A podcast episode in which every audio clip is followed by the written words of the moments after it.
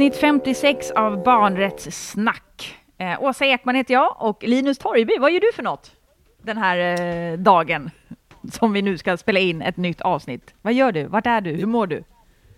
Jag sitter på golvet här i en stuga i fjällen och eh, vi har åkt skidor eh, och jag har bevittnat flera duktiga, kanske skid, alltså sådana som går på ett specialgymnasie som hoppar och gör volter och sånt. Jaha, alltså, eller vadå, sån här riksidrottsgymnasiegrupp typ? Eller har du bara Ja, inbillat dig att de är det för att de var jävligt duktiga? Alltså de är så sjukt grymma. Jag tänker, hade jag gjort det så hade jag nog dött idag. Ja.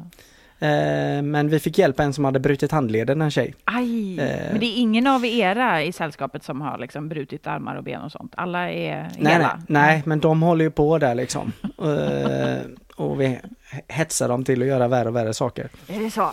Eh, Men ehm, det finns ju, det är ju ett av, jag tror det är Sveriges bästa sån här fun park eller vad det heter, snowboard action park, X-games park som är här. Det var många, många begrepp i ett där. Ja, Det är så, aha, okej, ja. Jag har liksom, sånt där, det, det är verkligen inte, jag är aldrig på sånt. Jag har rätt lite Nej. koll på det. Jag tyckte det var lite Ja, coolt att jag jag- såg på, du vet när det är, vad är det det heter liksom, jag tänker yngre barn som står på skid, de brukar vara rätt bra på typ störtlopp. Men vad är det det heter, Ja, ja. det som är det här über snabba? De, det, är liksom, det är inte typ störtlopp, utan det är såna här, vad fan är det Ja, det heter? speedskiing Ja, eller? precis. Speedski, där de är uppe i typ så här 240 kilometer i timmen liksom. Ja, nej men Bibi var ju på väg i 170 nerför backen här, jag bara skrek. Ehm, Ja. Men där, vet du vilken film det här uttrycket kommer från? Show me the money! Jerry Maguire såklart. Ja, det handlar ju om en, eh, en, eh, en agent som får sparken va? Och så tar han en före detta amerikansk fotbollsspelare under sina vingar som sin enda kund tror jag. Det är ju Tom, Tom Cruise som eh, gör massa grejer och så är det en jättehärligt barn som, är, som pratar om Did you know the human head weighs typ 7 pounds eller något sånt där, det är han säger. Och varför säger vi det här idag nu då? Nej men vi ska ju prata om eh, elitsatsning och elitidrott och barnkonventionen. Går det egentligen ihop? Ehm, varför har vi valt det här ämnet överhuvudtaget? Varför, vill, varför är det här intressant? Ja, men jag tänker att det är intressant av flera olika skäl. Dels så tänker jag, vi har ju pratat liksom mer idrott generellt. Alltså dels så är det ju en rättighet för barn eh, att liksom få, få hålla på med en idrott eller liksom möjliggöra den här lek och rekreation och sådär. Där är ju det liksom, där idrott är en sån sak. Men vi vet ju också hur viktigt idrott är för väldigt många och att det handlar om liksom drömmar. Eh, men jag tänker mig att vi liksom, och vi har ju redan pratat om liksom idrott i första säsongen. Men då pratade vi om liksom, vad säger artikel 31 egentligen? Men då fokuserade vi väldigt mycket på den här breddidrotten, liksom, det som är till för allt och alla. Eh, Mm. och idag kommer vi prata mer utifrån någon form av elitsatsning, liksom mer de eh, som verkligen vill liksom, gå all in på, ett- på ett annat sätt. Liksom. Jag tänker det finns ju så många olika grejer man kan prata om i det, alltifrån så här unga som handelsvaror till eh, liksom vad gör det med ens liksom, fysiska kropp till, alltså det finns ju jättemycket spännande grejer vi kan grotta i eh, kring det här. Nej, och, och eh, utifrån våran position kanske så skulle vi kunna ha liksom angripa elitsatsningar eh, ganska hårt. Men vi har försökt att eh, ställa oss på andra sidan eh, lite granna och försöka liksom självklart problematisera det men också se vad, vad finns det för bra grejer med, med det på något sätt och kan, går det att göra på ett bra sätt så. Ja, men för det jag Eh. tänker mig lite är så att när vi pratar om barnkonventionen, liksom tittar vi på så det som vi nästan alltid återkommer till är ju just det här att ehm, om vi är tvungna att satsa, om vi måste välja bort någonting till exempel när det handlar om liksom barns rättigheter, så handlar det ju alltid om att i första hand prioritera då de barn och unga som står liksom längst ifrån att få sina rättigheter tillgodosedda.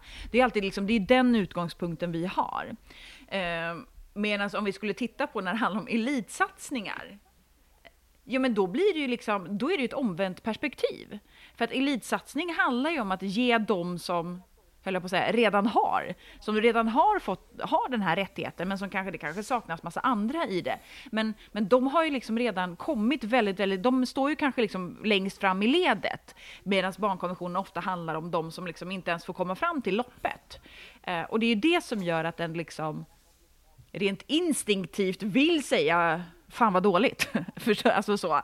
Men vi har ju verkligen försökt att inte bara tänka fan vad dåligt, utan det finns ju massa saker i det här som är superviktigt och, och hur, alltså att det ger barn och unga enormt mycket saker också. Ja, och, och här finns det ju liksom också olika angreppssätt eller olika, alltså olika personer inom idrottsrörelsen för ju fram olika teorier hur, hur man ska eh, hitta mm. nya stjärnor i olika idrotter på något sätt. att ja, Det ena är att man ska börja jättetidigt och det andra är att man ska hålla på mycket och man ska röra sig och testa olika grejer. Så att här kan vi väl också säga att det finns olika metoder som kanske synkar mer eller mindre bra med, eh, med barnkonventionen och allt möjligt helt enkelt. Mm. Ja, ja men absolut, eh, så är det ju. Eh, sen tänker jag väl också att det finns liksom vi har ju, även om vi hela tiden säger att alla ska få vara med i idrotten och att man har ganska svårt för det här när, när, när det blir då liksom orättvist, så tycker jag ju ändå att vi har ju alltid en tendens att prata snarare om framtidens stjärnor snarare än nutidens spelare eller nutidens mm. utövare. Det, någonstans så ligger det lite i oss, eller väldigt många, att det är inte i första hand du kanske ska utöva en idrott för att du tycker att det är roligt och att du mår bra av den, utan väldigt ofta så handlar det om för att du ska vinna eller göra mål eller liksom vara duktig. Alltså det är ofta det eh, vi strävar mot istället för att bara tänka sig att ja, men det är kul. Eh, och... Ja, och det är väl det som far i föräldrar och ledare i idrotten, att man på något sätt ser ett barn som är eh, jättebra på en idrott eh, eller och gör någonting och, och helt plötsligt då ser man man far eh, 15-10 år fram i tiden och ser det här barnet stå längst upp på pallen med eh, på OS eller VM eller vad det nu är liksom. Och i det ögonblicket så så far också väldigt mycket vett ut ur eh, ur skallen på folk helt enkelt. Sen är det så här, vi, vi, vi, försökte ta kontakt med lite olika eh, unga personer eh, som satsar på sin idrott. Eh, vi kanske borde haft lite mer tid på oss eh, i det här. Vi har inte lyckats med det. Eh, så vi tänker att vi får liksom återkomma till det här ämnet så att vi får höra ungas röster. Nu blir det ju mer liksom vuxnas perspektiv på eh, egentligen elitidrott eh, och elitsatsningar för unga. Så, att, så det är lite synd, men eh, vi har liksom, såklart att vi har kollat på lite forskning och så här också som som kanske liksom lyfter det mer också då utifrån den här problematiska aspekten kring Ja, men till exempel när du går på ett riksidrottsgymnasium där du liksom väljer väldigt tidigt och man tittar då på skador eller liksom titta på, ofta så har vi liksom forskat kanske när det handlar om skador som uppkommer i samband med en eh, tränings eller tävlingssituation, men medan det finns ändå forskning som tittar på lite mer Alltså även det psykosociala, liksom det runt omkring, eh, stress och sömn, liksom alla sådana här saker. Och som lyfter till exempel vad händer med en persons identitet om du blir skadad som väldigt ung till exempel. Om du hela tiden har varit en elitsatsande person och sen så blir du skadad och liksom kanske då fråntas mycket av ditt sammanhang. Vad gör det med din identitet till exempel? Alltså det finns ju ganska mycket att läsa om, men men det finns ju också så jättemycket mer som vi vill höra från barn och unga själva egentligen. Mm. Mm. Nej, jag tänker på det det som vi får höra då, förutom forskning, är ju eh, människor som har eh, satsat väldigt mycket och som kanske inte lyckats och på något sätt varit drabbade av olika saker genom att man valde idrotten som liksom livsväg och, och här finns det massor av böcker och skildringar och sådär mm. eh, om, om, om väldigt svåra liksom eh, tillfällen och sen finns det ju Sen har vi skildringarna från de som har lyckats och då kanske det blir väldigt mycket det här ja det var fantastiskt och morfar skjutsade mig hit och jag gjorde si och det var helt och jag stod där ensam och mm. alltså det blir någon slags myter kring ens barndom för de som har lyckats mm. så. Eh, så, så att det är verkligen eh, men precis som du säger att mycket av det handlar hela tiden om framtiden eller dåtiden, att liksom landa ner i ett elitidrottande för en barn, eller elit kan ju låta så himla... Eh, ja, men, men, men någon som liksom. verkligen satsar och mm. lägger mycket tid. Mm. Um, för det är ju det också som är eh, kanske någonting som definierar detta att, att man lägger väldigt mycket tid. Man får välja bort eh, vänner, eller eh, vänner, man får vänner i föreningen kanske också, men man får välja bort många saker och spendera mycket tid i idrottshallen. Mm. Eh, så helt enkelt. Mm. Så som sagt, det vi idag kommer fokusera på är inte det, det som liksom är den här, det man brukar kalla för bredd, utan det är ju en skillnad mellan bredd och de då som, som satsar eh, i på så många olika sätt. Och det är väl det också som är en problematik i sig. Att alla medel och allting som satsas på dem som eh, vill satsa kontra bredden. Eh, det är också en problematik att diskutera liksom, ekonomiska resurser, eh, liksom den kompetensen som de barn och unga som satsar får ta del av kontra de som eh, tycker att det är kul. Att vi värderar ju många gånger också satsningarna på ett annat sätt än vad vi gör med de som eh, liksom gör det för att de tycker att det är kul och för att den mår bra av att röra på sig och liksom hålla på med sin idrott. Um, så, så det, ja. Mm. Nej men och, och, det är väl det som är eh, att, att det finns ju barn som satsar inom olika andra områden och det kan finnas föräldrar och andra som pressar barn eh, inom kultur och konst och jag vet inte, utbildning och allt möjligt. Men det som är det spetsiga med idrotten är ju att där finns det ju om man hårdrar det, vinnare och alltså det, alltså det blir så resultatfixerat. Man kan se resultaten så himla tydligt så. Det är ju det enda det handlar om. Medaljer. Det är det jag säger till mina barn. Dag ut, dag in. ja, ja. Vill du ha guld eller vill du ha brons? äh, precis, precis. ja. Vinna eller försvinna, eller hur är det, vad, vad är det de brukar säga? Ja, mm. jag säger så här ibland till dem. First place, nej vad heter det? Second place is first. Det verkar, verkar verkligen som att du säger det ofta också. ja.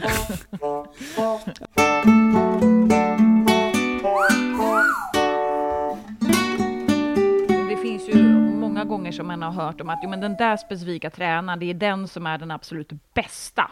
Liksom. Och det är den tränaren som ja. lyckas mm, liksom, få ut det mesta av barnen eller liksom, att barnen liksom, Eh, då kommer långt i sina idrotter. Men samtidigt så eh, vet många att ja, men tränaren är också dum i huvudet emellanåt liksom, och, och gör massa konstiga saker, liksom, eller uttrycker sig otroligt kränkande. Men att någonstans så vuxna accepterar det liksom, på något slags annat sätt för att vad händer om, tänk om det är just den tränaren som gör att mitt barn då kommer eller fan, det här kanske vi inte ska ta nu ändå, för det här blir ju mer... Jo, men nej, nej, men alltså jag tycker att det är relevant för att det är klart att det finns i elitsatsningen också i ungdomsidrotten så finns det profiler som är tränare och ledare och deras ord blir väldigt liksom eh, präglar ju idrotten. Och, och, och, och och här, kan du, här har vi ju liksom fruktansvärda exempel mm. på ledare som var liksom gurus mm. inom olika idrotter som har begått liksom jätteövergrepp mm. och man på något sätt, ja, inte såg mellan fingrarna på det, men man såg det inte även om man såg att det fanns tecken. Så. Mm. Ja, men det tror jag mm. nog är lite att det verkar som att just framförallt inom eh, när det handlar om satsningar så, så ser ofta vuxna mellan fingrarna för att det finns ett typ högre inom citationstecken mål, nämligen att du ska typ vinna och bli bäst. Och då är det liksom, då får man ta den där lilla skiten där mitt i liksom. Men... Ja, eh, vi, bli, mm. Vi blir beredda på att betala det priset och så ser vi inte vad den faktiska kostnaden är. Så. Mm. Men jag tänkte, men apropå det här så har ju jag träffat en person också och snackat lite om de Ja. här sakerna. Precis. Så roligt. Ja, och då, Mm. då är det liksom utifrån ett lite annat perspektiv och det är här det blir väldigt tydligt med just Jerry Maguire. Det var faktiskt min introfråga som var just, inte, jag sa inte show me the money, men, men jag frågade ändå om det. Vi har alltså träffat då Peter Nilsson Ekman som är hockeyagent. Eller ja, alltså han, titeln är certifierad spelaragent och han jobbar på mm, um, AMA eh, Sports Agency.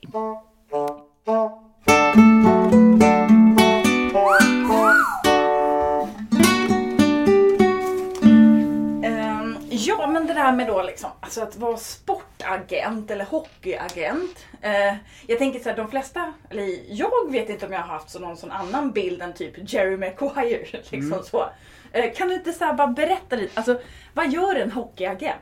Vi gör väl väldigt mycket egentligen men vårt primära, vårt primära uppdrag är ju att eh, fixa jobb till vuxna spelare. Det är ju vårt primära och att de ska få så bra avtalsvillkor som möjligt. Liksom, med pengar och försäkringar och annat. Eh, men sen tillkommer det ju massa grejer eh, kring det som har med försäkringsfrågor och skattefrågor och mm, boka second opinions när det kommer till skador. Eh, skicka dem till läkare och naprapater runt om i, i världen.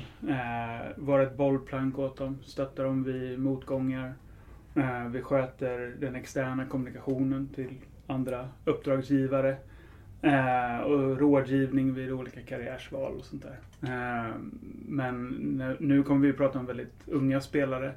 Och då handlar det om att utbilda dem väldigt mycket i hur den här verkligheten ser ut som vi lever i.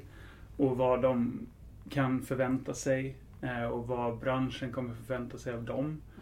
Eh, för att vi så, på så sätt kommer kunna förbereda spelarna och deras familjer på vad som komma skall de närmaste åren. Eh, för att viss, vi rekryterar spelare när de är 16 år. Det är så eh, de regler vi har att förhålla oss till via det svenska spelarfacket. Så är det första januari det året de fyller 16, då får vi ta kontakt med Mm. Och familjen. är det då ofta så att det är, liksom, är ni som tar kontakt eller liksom tar Ja. de kontakt med er? Eller hur, är det liksom klubbarna eller är det föräldrarna? Hur liksom? Nej, då, då är det oftast vi som tar kontakt med dem som vi anser är de mest talangfulla spelarna på en Mm. Och då har ni haft koll på dem då? Exakt, innan? då har vi Är det du som gör det? Är det du som har Det är koll bland annat jag eh, och så har jag några andra som gör det också på vårt företag. Eh, och då har vi kanske sett dem i ett års tid Mm. eh, när de har spelat. Och eh, dels är det ett sätt i hur de är som spelare men också gör vi mycket bakgrundskoll i hur de är som personer och eh, hur deras familjer är och, och sådär. Så att vi, vi tycker att vi har en ganska bra bild av dem som personer eh, när vi väljer att kontakta dem. För det är minst lika viktigt för oss i att det är bra människor. Liksom. Eh, så mycket handlar om den här utbildningen. För att de kommer in i det här med olika ingångsvärden. Att vissa har halkat in på en elitsatsning tack vare att de har råkat vara bra på just den här sporten. Medan vissa har haft väldigt tydliga mål sedan de var kanske 10, 11, 12 år. Eh, och kanske mer ja, jobbat väldigt eh, konkret för att nå hit. Liksom. Mm. Och, eh, så, så det, ja, så, men mycket handlar om utbildning och utbilda föräldrar i också så att de kan ge sina barn rätt råd. Och, och så. Och när du säger utbildning, vad, vad Mm. innehåller den här utbildningen? Eller vad är det liksom ni utbildar dem i? Är det liksom så här funkar det om du skulle vara i USA? Så här är en Ja. försäkring, tänk på det här i avtal. Eller liksom, Eh, a- avtalsbitar och sånt där sköter vi åt dem. Mm. Eh, och, och med förhandling och sånt där. Men eh, liksom, branschens förväntningar. Mm. Nu är du i den här miljön, i den här föreningen. Då förväntas det här och dig. Alltså möjliga scenarier som kommer kunna hända. I att fram tills nu har man kanske spelat väldigt mycket i sin förening och varit väldigt framträdande. Ju högre upp det kommer desto spetsigare blir det, högre, större konkurrens. Eh, då är man med om olika situationer som man behöver lära sig att hantera. Och det är väldigt viktigt för oss att vi utbildar spelarna i. Sen ko- kommer det kunna vara jobbigt i stunder ändå och där, då är vi där för dem och stöttar dem. Men vi tror väldigt mycket på att utbilda och förbereda dem för olika scenarier. Så att då, för då, vår bild av att då går det snabbare och lättare för dem att komma igenom de här motgångarna.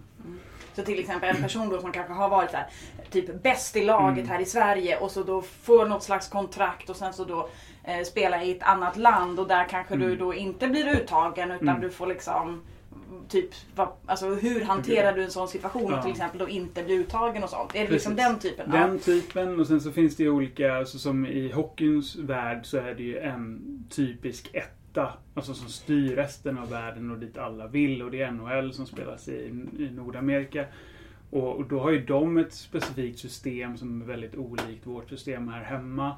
I där man kan tinga spelare när de är 17-18 år och man har rättigheter för dem i fyra år och sådär. Och det systemet måste vi utbilda dem i. Hur går det till när en NHL-klubb eh, liksom tittar på dig och intervjuar dig och sånt där. Hur går det till?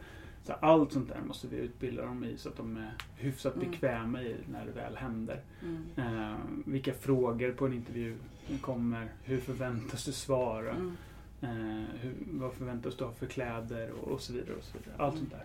Mm. Alltså ett jättepaket Ja, egentligen. verkligen. Så. verkligen. Så, så, för man kan ju tänka sig annars den bilden man har kanske av en just en agent. Kanske annars är med de här se till att få så mycket pengar som möjligt. Liksom.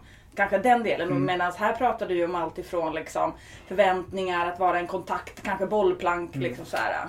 Det är en väldigt lång bit tid tills de tjänar de där pengarna som de har som ambition att göra. Och då är det ju vårt jobb att liksom karriärsplanera och ge olika för och nackdelar med de olika alternativen. Som, alltså hur ska jag nå mina, min fulla potential? Mm. Ja, men I din situation som du är i kanske vi tycker att den här vägen är den bästa. Medan för en annan kanske en annan väg. Och då finns det för och nackdelar med alla olika typer av Mm. vägar. Och då är det vårt jobb att återigen då utbilda och förbereda på vilka hinder som kommer längs vägen och sådär. Mm. Men egentligen kan man ju tänka sig att ditt jobb är att möjliggöra för unga att nå sina drömmar. Kan, man, Ja. kan man säga det så? I alla fall vara en, ett verktyg. Ett av många verktyg. De har ju andra verktyg som tränare och, och föräldrar och mentala coacher och allt det här. Men, men ett av många verktyg, absolut. Sen är det ju spelaren som gör grovjobbet. Det är han Mm. som tränar varje dag. Mm. eh, Och lägger ner och massa tid och offrar väldigt mycket längs vägen eh, för att nå dit. Men vi är en del av den resan och det är hur kul som helst. Mm. Vad är det absolut roligaste med ditt jobb? Nej, det är väl att se unga killar när de når den här när de når det här målet som man vet att de har kämpat så länge för. Eh, när man vet bakgrunden, när man vet vilka hinder de har behövt, behövt klättra över. När man vet att de i stunder har mått lite dåligt men att de har kämpat sig ur det och man ser deras glädje när de når det här målet. Mm. Den känslan är ju oslagbar. Den, den, den kan man leva på länge, den känslan. Mm. Mm. Um, och vad tänker du liksom? Ofta så kanske man lyfter väldigt mycket negativa aspekter av liksom elitsatsningar och att det är unga personer. De är ju egentligen, alltså, rent juridiskt i Sverige, är de ju faktiskt barn. Mm. Även om de kanske inte i det här sammanhanget alls benämns som barn. Men, men vad tänker du, liksom, vilka positiva delar är det som de här unga personerna får då av sin... Du sa också att de har offrat mycket. Mm. Men vilka liksom, positiva grejer då, förutom att nå sin dröm kanske? Ja, nej men precis. Det är dels då att nå sina drömmars mål och olika delmål längs vägen och få lära sig att sätta upp mål och, och liksom, jag tror att man växer väldigt mycket av det. och hitta sätt att komma dit. Men sen är det ju minnen för livet som de här killarna får genom olika resor och vänner som de träffar. De är i olika föreningar och klubbar och får ja, vänner för livet på olika sätt. De får se mycket olika kulturer, de får ut och resa väldigt mycket. Eh, det är såklart inte bara en fördel men de tvingas ju ta väldigt stort ansvar Mm. vid tidig ålder. Och, och det, det finns ju såklart nackdelar med också men det gör att de växer väldigt mycket och, och sådär. Så det tror jag är väl, väldigt mycket positivt i. Men framförallt alla upplevelser, att de är med om mycket. Det är otroligt häftigt längs Mm. resan. Och det är det som gör att de orkar offra så mycket längs vägen. De offrar biobesök och fester och socialt umgänge på helgerna på ett, ja, på ett vanligt socialt umgänge för att hålla ihop med sitt lag och för att gå och lägga sig i tid och allt det här liksom, det tråkiga som måste göras för att optimera sin prestation. Mm. Eh, Men eh, det finns eh, negativa berättelser såklart, men jag tror att majoriteten kommer ändå ur det med väldigt mycket positivt. Mm. Mm. Annars så tänker jag som sagt, det pratas ju ganska mycket om så här, det skadliga i då de här Mm. elitsatsningarna. Allt ifrån liksom att det kan bli ett utanförskap eller att eh, du har liksom kämpat mycket och sen så hamnar du ensam i ett, liksom i ett annat land och inte trivs till att liksom Mm. rent fysiskt dina kroppar. Alltså, vad tänker du kring liksom när det lyfts? Eller är det bara, eller tycker du kanske inte att det lyfts så mycket negativt? Eller vad säger du liksom? Nej, men det är klart att det finns negativt med en elitsatsning. Eh, tittar du på kroppen till exempel så ligger ju den ju hela tiden nära en skadegräns. Du, ligger, du pushar ju liksom hela tiden dina gränser. Och det är klart att det inte är sunt alltid. Eh, och och de, de här killarna som vi jobbar med, de skadas ju mycket. Det är axlar som går sönder, det är knän som går sönder, det är höfter och så vidare. Och det är unga kroppar som tar väldigt mycket stryk. Så det är negativt. Eh, kroppen går ju oftast att laga. Eh, den mentala pressen är kanske ännu tuffare. För de här kommer in i en vuxenvärld vid väldigt tidig ålder. Innan deras liksom, hjärnor är fullt utvecklade. Eh, det sätts en väldig press på dem eh, Utifrån men också från sig själva. Och det kan ibland, om man inte har rätt verktyg, ge kanske längre konsekvenser än en fysisk skada. Så den mentala pressen är ju jättejobbig eh, för vissa. Men finns ni då med där liksom hela vägen? Eller är Mm. typ ert jobb nästan, jag ska säga, ett delmål då är när ni har liksom signat och när det finns liksom papper på allting. Men, Mm. men liksom, hör spelarna av sig till dig till exempel liksom, om sådana här saker? Om de känner sig ensamma, om det är Ja. någonting som är svårt? Eller vem, eller liksom, vem har ansvaret? Nej, men alltså, ska uttrycka mig. vi, ja, vi har ju inget juridiskt ansvar. Däremot så har vi ju liksom en... Vi är ju mån om att de ska må bra. Vi jobbar ju för deras skull eh, liksom 24 timmar om dygnet. Eh, och har man en bra relation som tar ett tag att bygga upp, ja, men då vill ju vi att de hör av sig till oss när de mår dåligt. Eh, och det gör de ju. De ringer ju mig titt som tätt och, och liksom alla tider på dygnet. Och då är det mitt jobb att vara där för dem. Eh, och det kan ju vara, som, som du säger, man, man sitter ensam någonstans eller att man känner sig ensam. Eller att man kanske inte presterar på den nivån som man vill prestera på. Eller att det, livet på isen är tipptopp men utanför isen så är det inte alls bra. Eh, och det finns ju väldigt många exempel på spelare som vi har hjälpt genom det. Eh, och sen är det vissa som väljer att jobba med mentala coacher och, och det är också jättebra, något som vi uppmanar dem att göra. Eh, För att vi tror att då får de verkligen en hjälp i att hantera saker. Och, och så så att eh, det är klart att det finns negativa delar med en elitsatsning. Det ska man liksom inte prata bort utan det finns det. Och det gäller bara för, för vår del att återigen förbereda spelare på vad som komma skall. Eh, på potentiella hinder. Vi använder också liksom, gamla spelare, eller liksom, äldre spelare och deras historier för att berätta för de yngre. Så att man ska få en förståelse för hur det funkar. Och eftersom våra spelare finns över hela världen så är det olika kulturer, olika ledarskapskulturer som du måste förhålla dig till. Mm. Eh, Det finns ett annat ledarskap i Ryssland och det finns ett annat ledarskap i Nordamerika kontra i Sverige. Eh, och så, ska någon flytta över till USA till exempel så sätter vi den i kontakt med någon av våra spelare som redan spelar i USA och som har Mm. spelat där några år.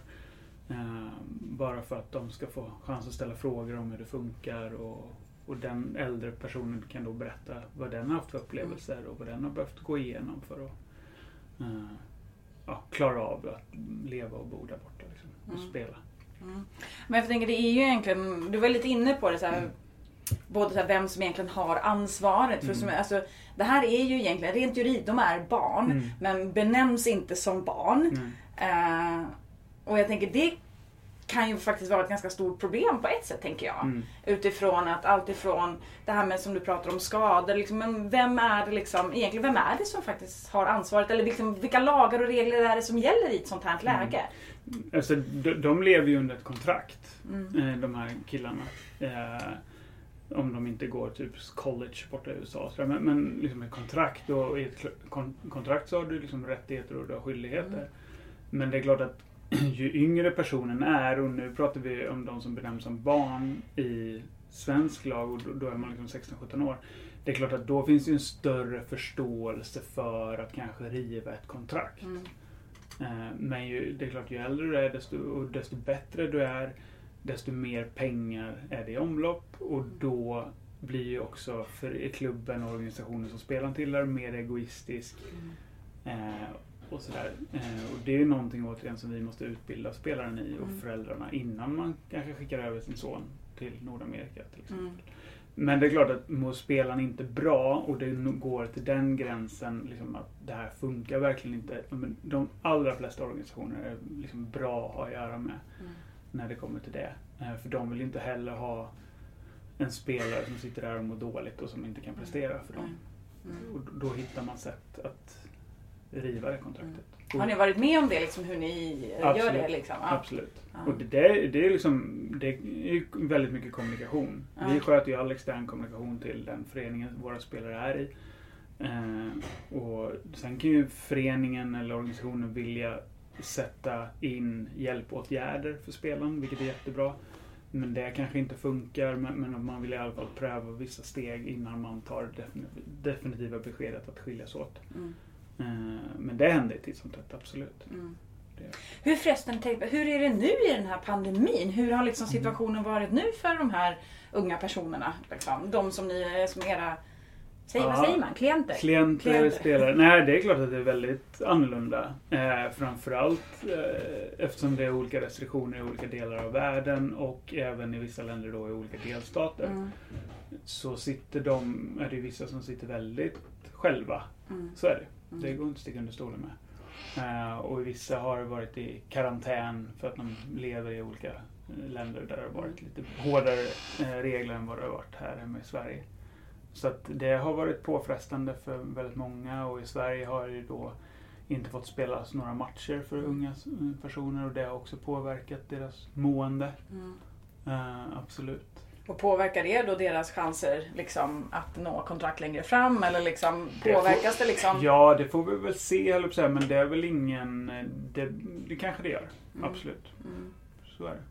Mm. Eh, Men då får man hitta, försöka hitta sätt att i framtiden ta igen för den där man känner att man har förlorat nu. Mm. Och det- där en elitkarriär, det är liksom en lång väg tills man når sin högsta nivå. Mm. Så att jag tror att ett halvår hit eller dit. Vi försöker prata med spelarna om att det här är som en långtidsskada. Mm. Eh, och att se det här som en uppbyggnadsperiod. Och som gör att de kanske håller längre än vad de hade gjort annars. För Mm. att eh, försöka vrida det till någonting positivt. Och Mm. motivera dem att orka träna och orka liksom hålla Håll i. i, ja. Det känns ju som att det är en otroligt så komplex roll egentligen, eller ett uppdrag som du har. Alltså jag tänker, Ja. å ena sidan, liksom, huvudfokus är att så här, företräda den unga personen och dens Mm. intressen och önskemål och viljor och sådär. Mm. Men det finns ju massa andra intressen Mm. också i det här där jag tänker liksom, ja men föräldrar, alltså vårdnadshavare Mm. som kanske tycker en sak. Mm. Sen har vi liksom olika klubbar och intressen som tycker Mm. någonting. Jag tänker de här unga personerna går ju också i skola. Mm. Alltså jag tänker det är ju en, Alltså det är otroligt många olika aktörer som vill in och peta. Ja, Där ni absolut. då ska liksom någonstans värna den unge och liksom Ja. hitta Alltså hur gör man det? Eller Nej, liksom, hur, försöker- vad, vad tänker du kring den Nej, rollen? vi, Liksom? vi försöker ju vara ett filter. Mm. Så att inte allting når fram till barnet. Mm. Utan det som når fram ska vara det som behöver nå fram. Och sen får jättegärna mycket stanna hos oss. Mm. Och där tar föräldrar till exempel så har de ju såklart mycket frågor och eh, är ju oroliga. Det är ju en del av liksom förälderns vardag att vara orolig för sitt barn. Eh, och då uppmanar vi dem att om ni har frågor, ring till oss. Istället för att prata med er son om det vid matbordet. För Mm. att den oron behöver ni inte lägga på barnet. Utan ring till oss istället och ställ de frågorna och så att man håller liksom barnet utanför när det kommer till sådana bitar. Eh, så det handlar mycket om att vara ett filter. Eh, men det är klart att det är komplext och det lättaste är ju när alla såklart har en samsyn på hur ska vi gå vidare i det här. Men det är ju väldigt ofta det inte är en samsyn. Och då är det vårt jobb att försöka Skapa den. skapa en samsyn. Är det. Mm. Vilka är de svåra frågorna som till exempel föräldrar har till exempel? Eller finns Det- det, kanske inget sånt svårt Nej, och lätta men, ja, men det, det svåra är ju att vi vill ju alla leva i en rättvis värld. Mm. Men elitidrott är inte rättvist. Eh, Kan du utveckla det? Ja, alltså, du, du, tränar alla lika mycket så borde man kanske få spela lika mycket. Mm. Men det är inte så där. Eh, och, och- så elitidrott kan upplevas som väldigt orättvis när den är i det. Att vissa får fördelar som inte jag får. Mm. Och det är ju väldigt svårt att hantera för de här barnen är oftast väldigt väluppfostrade. De är uppfostrade med att samhället ska vara rättvist. Att lägger jag ner 10 timmar och Kalle bredvid mig lägger ner 10 timmar så ska vi få på något sätt samma effekt och samma fördelar. Men så Mm. funkar det inte. Och det kan vara ett jättestort hinder att komma över. Så du måste bli lite cynisk där tyvärr. Och det är ju hemskt att Vad säga. hemskt! Ja, men en 16-17-åring att han måste bli mer cynisk. Nej. Eh, Men, så, så det kan ju bli problematiskt. Mm. Och som förälder då, ser du då att ditt barn drabbas av orättvisa på något sätt. Det är klart att det är jättehemskt se. Och ringer då, ringer föräldrar, är de oftast liksom, eller kanske jättesvårt, så om de är glada, oroliga, är de arga? Liksom, Ja, ja. vilka, jag tänker så här, hur ofta ringer föräldrar dig? Liksom? Ja, det är väldigt olika. Mm. Vissa, vissa, vissa låter bara barnen och vi sköta det här. Mm. För att de inser att jag kan ingenting om hockey. Eh, min son råkar vara väldigt bra på hockey men jag kan ingenting om hockey. Det är därför vi har skaffat en agent som får sköta det. De är bara glada att så länge barnet mår bra så servar de med mat hemma och skjutsar till träning och sådär. Eh, då lägger inte de sig i. Sen är det vissa som vill ha med info hela tiden och de är alltid välkomna att ringa. Liksom. Eh, så länge man är beredd att lyssna på svaret Mm. så är man alltid välkommen att ringa och ställa frågor. Mm. Ehm, om man tänker så här, pratar ni någon gång, alltså jag tänker du och där du jobbar då, eller liksom med de här föreningarna eller klubbarna, så pratar ni någon gång om barns rättigheter, om barnkonventionen? Nej, men jag tror att det kommer bli mer och mer vanligt i takt med att... Så nu har ju inte barnkonventionen varit lag så länge. Mm. Men det är klart att ju längre den finns där desto bättre är det och desto mer liksom, naturligt kommer det vara att prata om den för klubbarna. Däremot pratar vi ju hela tiden om liksom, barnens välmående. Mm. Och det kommer ju in på väldigt mycket barnkonvention också Mm. såklart. Men barnens välmående är ju alltid vårt centrum. Ehm, Dels såklart ur ett humant perspektiv men utifrån ett klubbperspektiv, alltså eh, spelarens arbetsgivare, så är det ju också att om de ser det cyniskt så säger de ju att ju bättre spelaren mår utanför isen desto mer presterar han på isen. Mm. Och det har ju märkts i ledarskapet i Sverige idag kontra 20 år sedan där man har ett mer humant ledarskap. Mm. Och där har ju verkligen, i alla fall inom hockeyn, eh, tränare utvecklats och utbildats jättemycket i rätt riktning de senaste åren. Mm. Framförallt om man jämför med många andra länder runt om i hockeyvärlden Mm. eh, som kanske ligger lite efter i det. Mm. Mm. Men va- varför tror du inte riktigt att ni pratar, eller att barnkonventionen inte kommer upp liksom? Är det för att de är liksom nästan vuxna, att det är därför man inte... Eller är det liksom generellt att idrotten... För jag tänker så här, Riksidrottsförbundet till Mm. exempel, det står i stadgarna, har gjort det sedan länge. Många liksom, alltså föreningar runt om i Sverige liksom vill ju och försöker och har med sina styrdokument och Mm. utbilda och sådär. sådär. Mm. Men vad Jag tänker tror- du? Min spontana tanke är att de här killarna Jag tror att man får särskilja breddidrotten och elitidrotten och nu pratar jag om elitidrotten. Och där tror jag att de kommer in i en vuxenvärld så tidigt Mm. och därför pratas det inte om det. För att de nästan ses som vuxna. Mm. Eh, det är min hemmasnickrade teori. eh, som jag inte har några som helst belägg för och förhoppningsvis så pratas det väldigt mycket om det i föreningarna. Mm. eh, som inte kommer eh, fram till oss. Mm. Eh, men det är vad jag tror. Mm. Men jag hoppas och tror att det pratas ännu mer om det i breddidrotten. Jag såg ju faktiskt, jag, jag var inne och kollade på er hemsida, du, Mm. liksom, Auma Sports Agency Mm. som du jobbar på. Där har ni ju, eh, utan att ni vet om det, så ert så här ledord eller Mm. ledminne var ju någonting så här typ bla bla, utvecklas och nå sin fulla potential. Mm. Det är ju artikel 6 i Det är barnkonventionen. jättebra.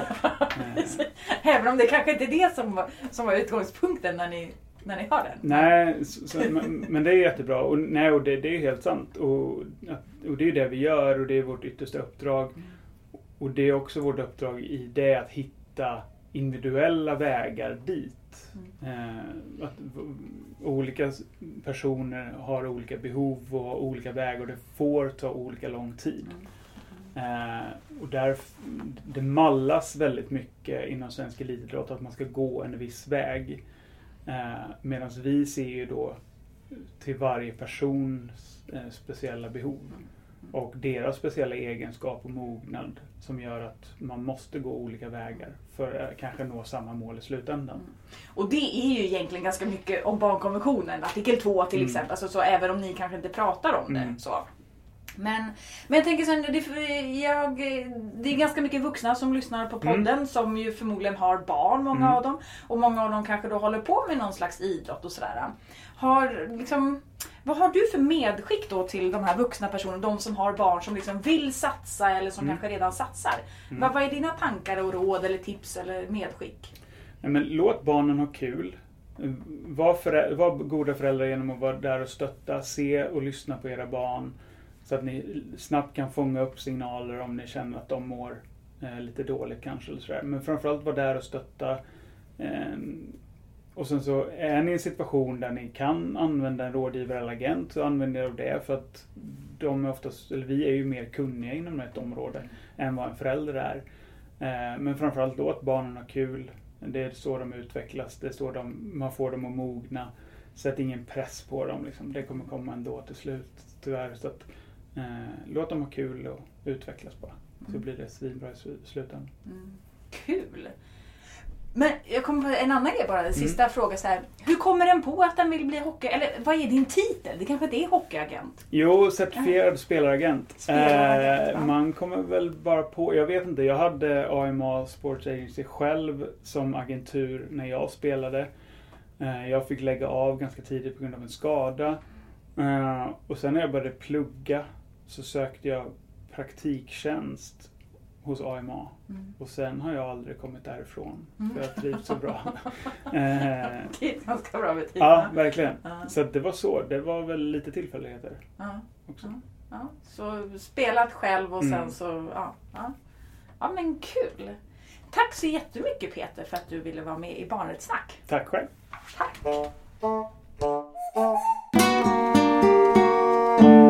drömjobb.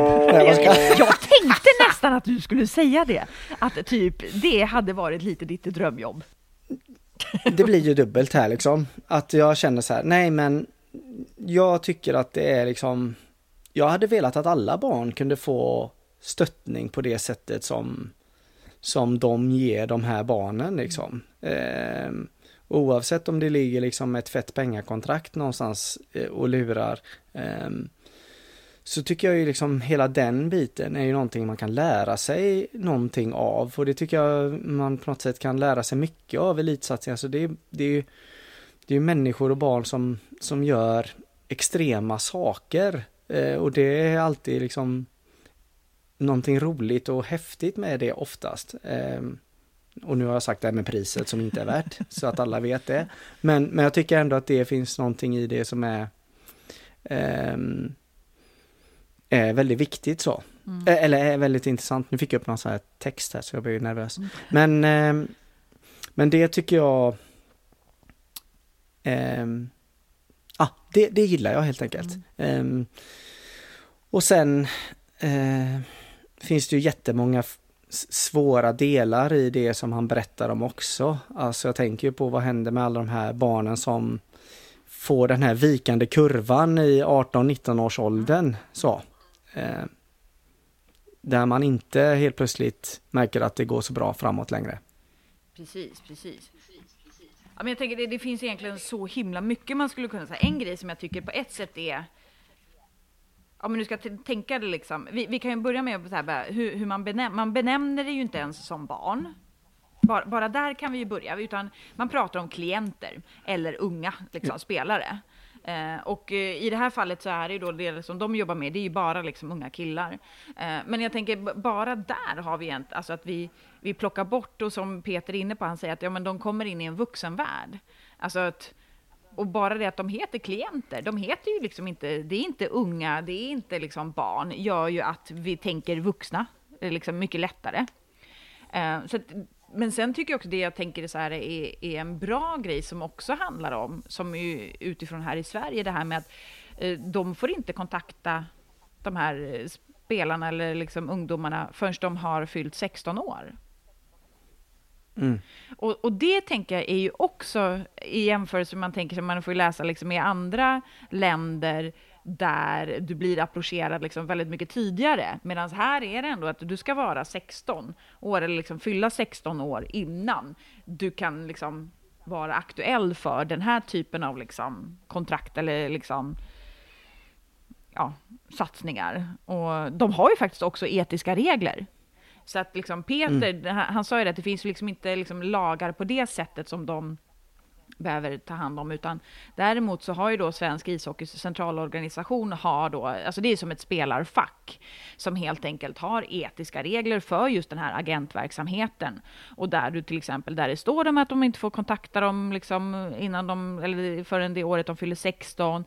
Det handlar om att man ska liksom då respektera just spelarens önskemål om hur den ska kontakta. Ehm, det handlar ju också om att det är just att lojaliteten ska ligga mot eh, spelaren i första hand. Så att det står ju massa sådana här grejer liksom, som ju handlar om att respektera individen på massa olika sätt. Sen kanske man kan tycka att man kan slänga in lite andra, lite mer då, inom citationstecken, mjuka värden. Typ ansvaret i om en spelare mår dåligt eller liksom om en märker att processen inte funkar eller sådär. Så det finns ju jättemycket vi kan prata mer om kring det här. Ja, och det som blir spetsigt är ju på något sätt att den här karriären, om man nu ska säga då, för de som är elitsatsar, den pågår kanske fram till man är 35 eller något sånt. Mm. Så att det är ju också så himla klossan till en ba ens barndom. Mm. Ehm, och i vissa fall så är ju liksom världsstjärnorna är ju 13, 14, 15, 16 år liksom. Eh, så att man är redan mitt uppe på toppen när man, när man är barn så på något sätt. Alltså ens elitsatsning är redan, eh, ja, man är redan stjärna på något sätt. Eh, och, och, det här med att man, ska man ta sig ut till det ena eller andra, apropå det här med att man inte får ta kontakt med någon liksom. Men det finns ju landslag där barn representerar liksom Sverige eh, från tidig mm. ungdom liksom. Mm. Ja, nej men så det här är ju liksom verkligen bara eh, egentligen ett kort nedslag i, um, i att det är ju problematiskt med liksom de här satsningarna på väldigt många olika sätt. Det ger såklart också väldigt mycket till barn och unga, givetvis, men Um, det är ju svårt att liksom få ihop det med barns rättigheter eftersom det börjar i liksom två olika ändar, eller jag ska säga. Uh, sen kan det här, behöver man ju kanske liksom ja, men, prata mer om eh, utifrån att rättigheter prata, att det handlar, faktiskt handlar om barn, eh, säkerställa hela den biten. Jag tänker man behöver ju också, ja men lite som vi var inne med, involvera liksom barn och unga väldigt mycket mer i det här, att det inte ska vara lika vuxenstyrt. Eh, så. Mm. Så det finns ju massa, massa mer saker en kan göra för att någonstans safea upp och såklart försöka förändra den här strukturen vi inte ska behöva godta massa skit. Liksom.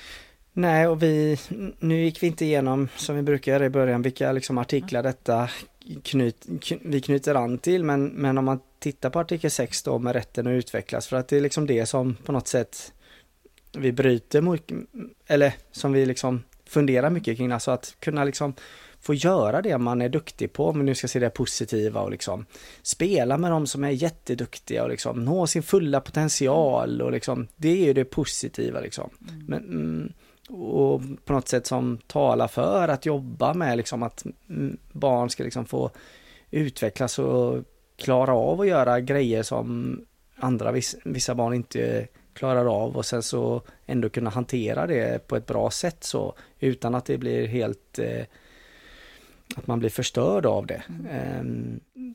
Tänk att liksom avbryta sin karriär när man är 20 för att man har fått för många eh, vad heter det, hjärnskakningar ja, ja, till exempel. Ja, för att ta hockeyn, sen finns andra skador i, i andra ja, idrotter. Som, liksom. Mm, ja, mm. ja.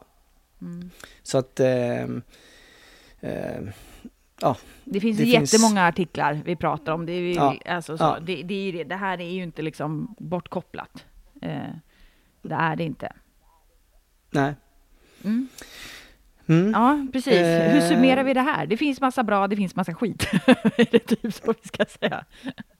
Ja, och det finns ju också, eh, och nu har vi inte pratat om breddidrotten, men det vi kan säga ändå är ju att eh, vi går ju, och det, det finns ju flera artiklar om det också med att ja, men man betalar för extra tränare och det var senast nu ganska nyss då den här extra tränaren som, som man hade gått till för att bli bättre som, som har varit dömd för eh, övergrepp och sådana grejer då. Ehm, och det här var uppe alldeles nyligen så att den här satsningen på elit kan ju drabba på så olika sätt. Ehm, men ehm, Ja, men det är lite vilka krav ställer vi? Ja, vilka, för det är ju det, det är enklare att ställa krav på en idrottsförening som mottar massa medel från kommunen till exempel. Ja, eh, och ja. kommunen kan dra in de bidrag. Men när det är liksom företag som kommer in på, på, liksom, på arenan och ska plocka de delarna eh, så, så ställs inte samma typ av krav. Till exempel utdrag ur belastningsregistret. Eh, så. Exempelvis. Ja. Så det finns ju liksom det här, det blir liksom så, det är ju det, så fort det kommer in pengar så blir saker och ting oftast väldigt problematiskt.